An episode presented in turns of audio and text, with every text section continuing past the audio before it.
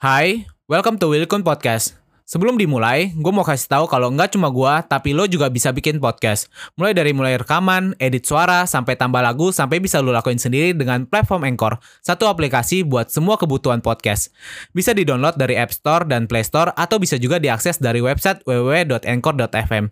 Nggak cuma buat, tapi lo juga bisa langsung share dan publish hasil rekaman lo ke Apple Podcast, Spotify, Stitcher, dan lain-lain dari Anchor ini. Yang paling penting, Anchor ini gratis. What's up guys, welcome back to my channel Willy Kun Channel dan selamat datang lagi di podcast cerita seram. Dan hari ini gue akan menceritakan kepada kalian kisah nyata mengenai karakter yang ada di dalam film Spongebob. Nama karakternya adalah Smithy Werben Jensen Memang dari pelafalannya tuh susah banget Tapi kalau kalian yang suka nonton film Spongebob Pasti kalian udah gak asing karena karakter ini atau nama ini sempat muncul di satu episode Spongebob yang judulnya adalah One Crab Trash. Di dalam film ini diceritakan kalau karakter Smithy ini adalah orang nomor satu satu di Bikini Bottom tapi sayangnya dia itu memiliki topi yang topinya ini terkutuk sehingga SpongeBob itu harus mengembalikan topinya itu atau SpongeBob itu akan dihantu-hantui. Nah dari cerita dari Smithy Werberman Jensen ini rupanya benar-benar ada di dunia nyata yang kisahnya itu nggak kalah kelam sama sekali dengan film di SpongeBob itu. Karena ini diduga adalah karakter yang menginspirasi Stephen Hillenburg itu untuk menciptakan karakter dari uh, Tuan Crab. Kenapa bisa kayak gitu? Nah nanti bakal gue jelasin semua dan ini juga ada hubungannya dengan resep rahasia Krabby Patty. Wow, pokoknya main blow banget. Jadi buat kalian yang udah gak sabar, jangan lupa untuk selalu support channel gue dulu dengan cara klik tombol subscribe-nya aja ada di pojok kanan video kalian. Kemudian kalau kalian lihat tombol loncengnya jangan lupa untuk diklik biar kalian mendapatkan notifikasi kalau gua ngupload video. Jadi kalian menjadi orang pertama yang nonton video ini dan tahu informasi yang paling menarik. Oh iya, setelah kalian nonton video ini juga jangan lupa untuk like dan share video ini ke teman-teman kalian, ke keluarga kalian biar mereka juga mendapatkan informasi yang menarik. So langsung aja kita akan memulai cerita nyata dari karakter SpongeBob yaitu Smithy Werberman Jensen.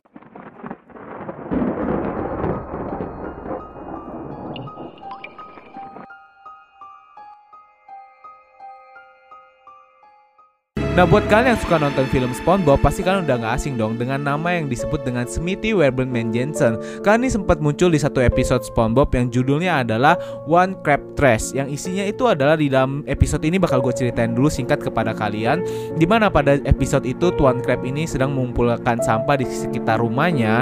Dia itu menjual sampahnya itu ke orang-orang dan tibalah akhirnya datang si SpongeBob dan Patrick ke tempat penjualan itu barang bekas ceritanya. Dan di sini Tuan Crab itu menceritakan kalau dia punya barang-barang antik sehingga dia itu bisa menjual dengan barang yang uh, cukup mahal lagi kepada Patrick dan SpongeBob. Nah kemudian SpongeBob ini melihat ada sebuah topi yang di sini adalah topi yang dengan kaleng di sampingnya dua kaleng kayak gitu. Kemudian uh, Tuan Crab menjelaskan kalau topi ini adalah topi khusus yang diciptakan untuk orang nomor satu di kota Bikini Bottom karena di topinya itu ada tulisan nomor satu Kemudian setelah Tuan Crab ini dengan trik marketingnya itu bilang kalau ini adalah topi yang bagus, si SpongeBob pun berusaha untuk membeli topi ini. Dia mengumpulkan uang-uang yang telah dia tabung, semuanya dia ambil, tapi akhirnya masih kurang. Tapi karena SpongeBob itu pengen banget topi ini, dia sampai bilang kepada Tuan Crab dia akan berhutang, boleh dipotong gajinya. Nah, setelah Tuan Crab berhasil menipu SpongeBob itu, akhirnya ya udah Tuan Crab mendapatkan uang dari kumpulan di SpongeBob itu. Setelah SpongeBob pergi dari tempat lelang Tuan Crab tersebut, tiba tiba-tiba Tuan Crab ini didatangi oleh para kolektor topi yang mengatakan mereka itu sedang mencari topi orang nomor satu. Yang dikasih fotonya itu kalau ini adalah topi yang dijual dengan harga yang murah kepada SpongeBob karena para kolektor itu akan menawar sebanyak satu juta dolar untuk topi itu doang.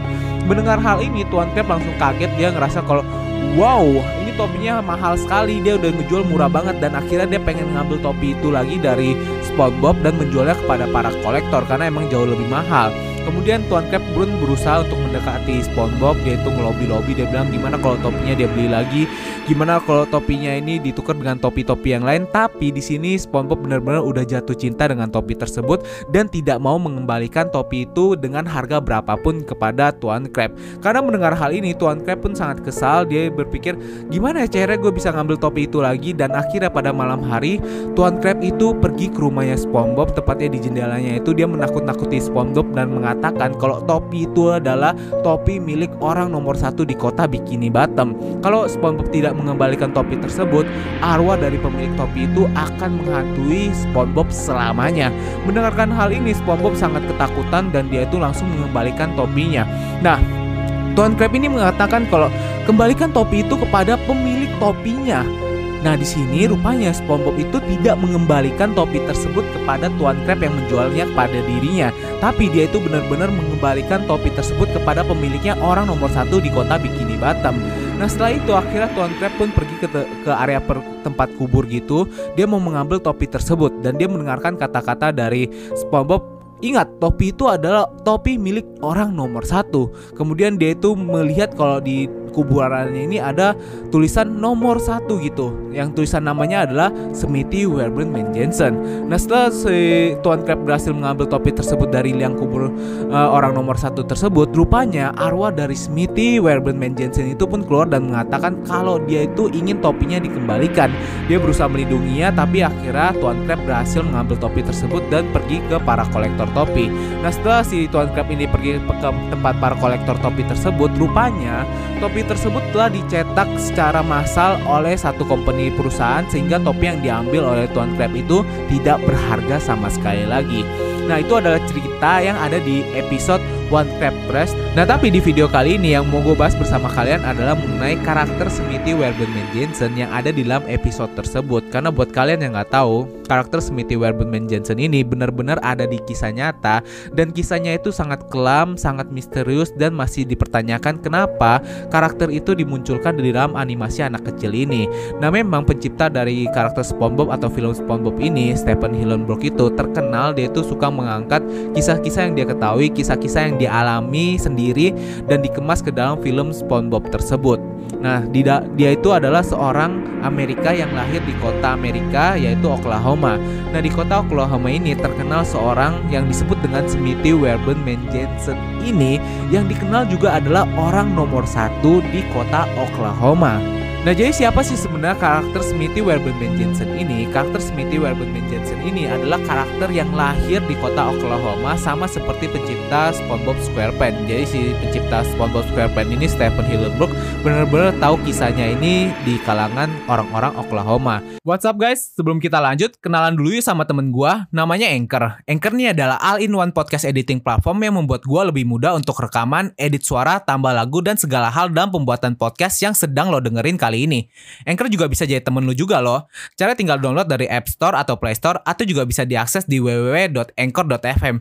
Jadi download Anchor sekarang ya. Jadi Stephen Werben Jensen ini dikisahkan lahir di kota Oklahoma pada tahun 1773. Dia itu adalah seorang koki pada saat itu dan dia itu adalah pencipta pertama daging asap yang dilumuri oleh saus tomat dan pada tahun itu dia disebut sebagai koki jenius karena dia ini bisa menciptakan daging asap tersebut. Kepikirannya gitu orang-orang mikir, "Loh, kok dia bisa kepikiran dan daging asap ini luar biasa enak banget pada tahun tersebut."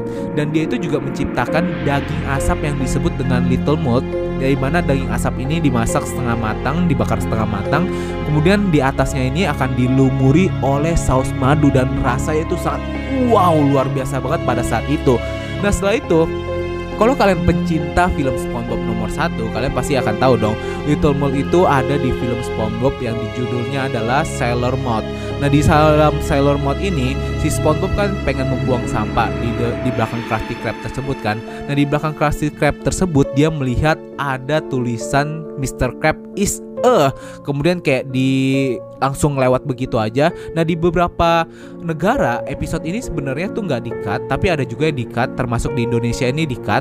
Nah kalau kalian mau lihat fullnya itu ada tulisan kayak Mr. Crab is a murder atau dia itu adalah pemakan sesama jenis. Nah ini nanti bakal gue bahas lebih dalam lagi setelah kalian mengetahui apa sih hubungan si karakter Smithy Weberman Jensen ini dengan kata-kata ini dengan Tuan Crab. Nah, nanti belakang bakal gue jelasin nih. Kita lanjut lagi, kita ngebahas mengenai Smithy Weberman Jensen. Nah, Smithy Weberman Jensen ini telah hidup di kota Oklahoma, telah menjalankan bisnis restorannya itu selama 4 tahun dan dia ini terus-terus menjual daging yang disukai oleh orang tersebut, daging asap yang dilumuri oleh saus tomat. Kemudian restoran yang dikelola oleh Smithy Weberman Jensen itu sudah benar-benar berkembang sangat pesat, dia itu punya pelanggan tetap, dia itu bisa memperbesar tokonya dan orang-orang menyebut kalau dia adalah orang nomor satu karena masakan yang sangat lezat ini. Tapi seperti pepatah yang mengatakan semakin tinggi pohon itu tumbuh, dia itu juga akan menerima angin yang kencang. Sama seperti si Smithy Weberman Jensen ini pada suatu hari restorannya itu didatangi oleh para inspektur yang mengatakan kalau restoran ini tidak boleh dibuka lagi karena daging yang dijual oleh Smithy Weberman Jensen ini mengandung daging manusia. Mendengar hal ini benar-benar orang di dalam toko tersebut sangat terkejut. Orang-orang di blok toko tersebut juga sangat terkejut karena mereka itu sudah mengatakan kalau Smithy Weberman Jensen ini adalah orang yang sangat jenius. Dia itu memasak makanan yang tidak pernah diciptakan orang lain.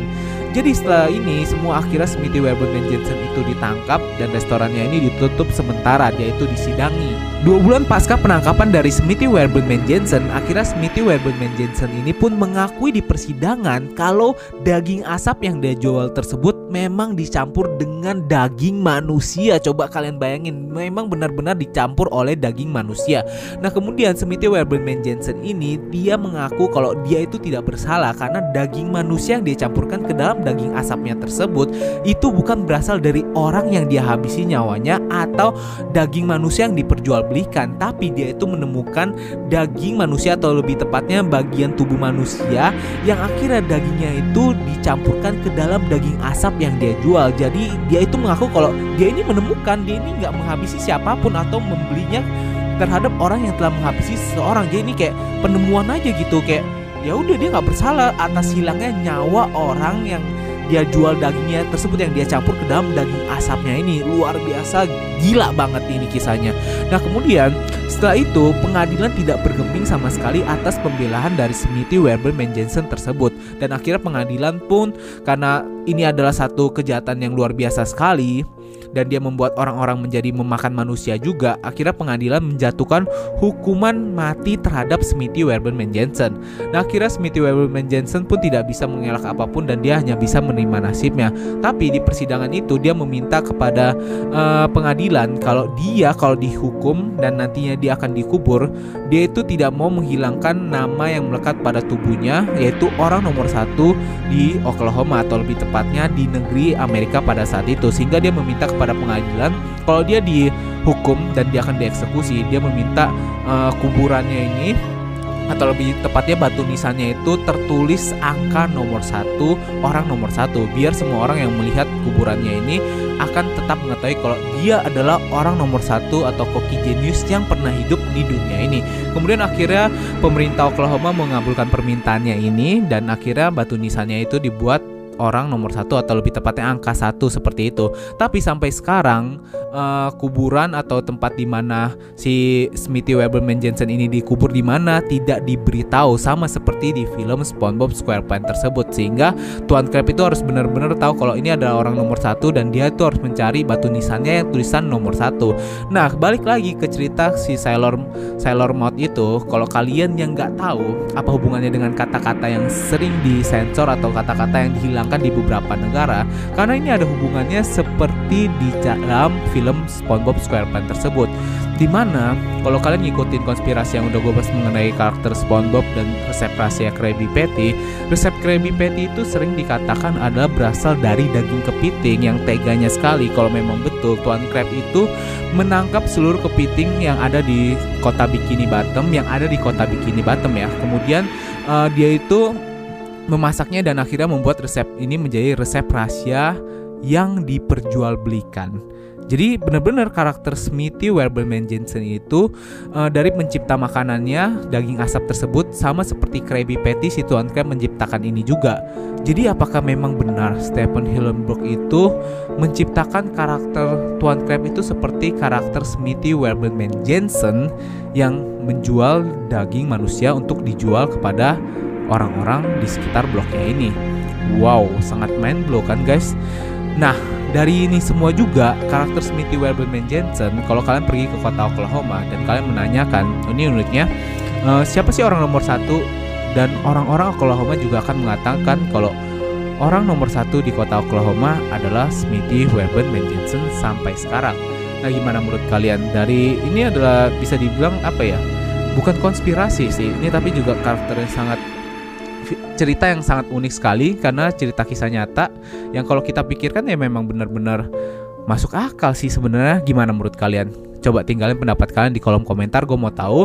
Nanti bakal gue coba baca-baca juga. Nah buat kalian yang mau nge-request di apa sih yang bakal gue bahas berikutnya kalian mau mau cerita kisah seram mau gue angkat bisa langsung aja tulis di kolom komentar atau juga bisa langsung DM gue di Instagram di Willikun nah di situ gue bakal baca-baca dan kisah nyata atau kisah yang kalian request akan gue tayangkan di episode berikutnya. Jadi jangan lupa untuk selalu support channel gue guys. Dengan cara klik tombol subscribe-nya aja di pojok kanan video kalian. Kemudian kalau kalian setelah nonton video ini Jangan lupa juga untuk like, share video ini kepada teman-teman kalian dan keluarga kalian. Nah itu dia guys video hari ini. Terima kasih guys untuk selalu nonton sampai sekarang dan selalu support gua sampai di titik ini. See you guys in the next video.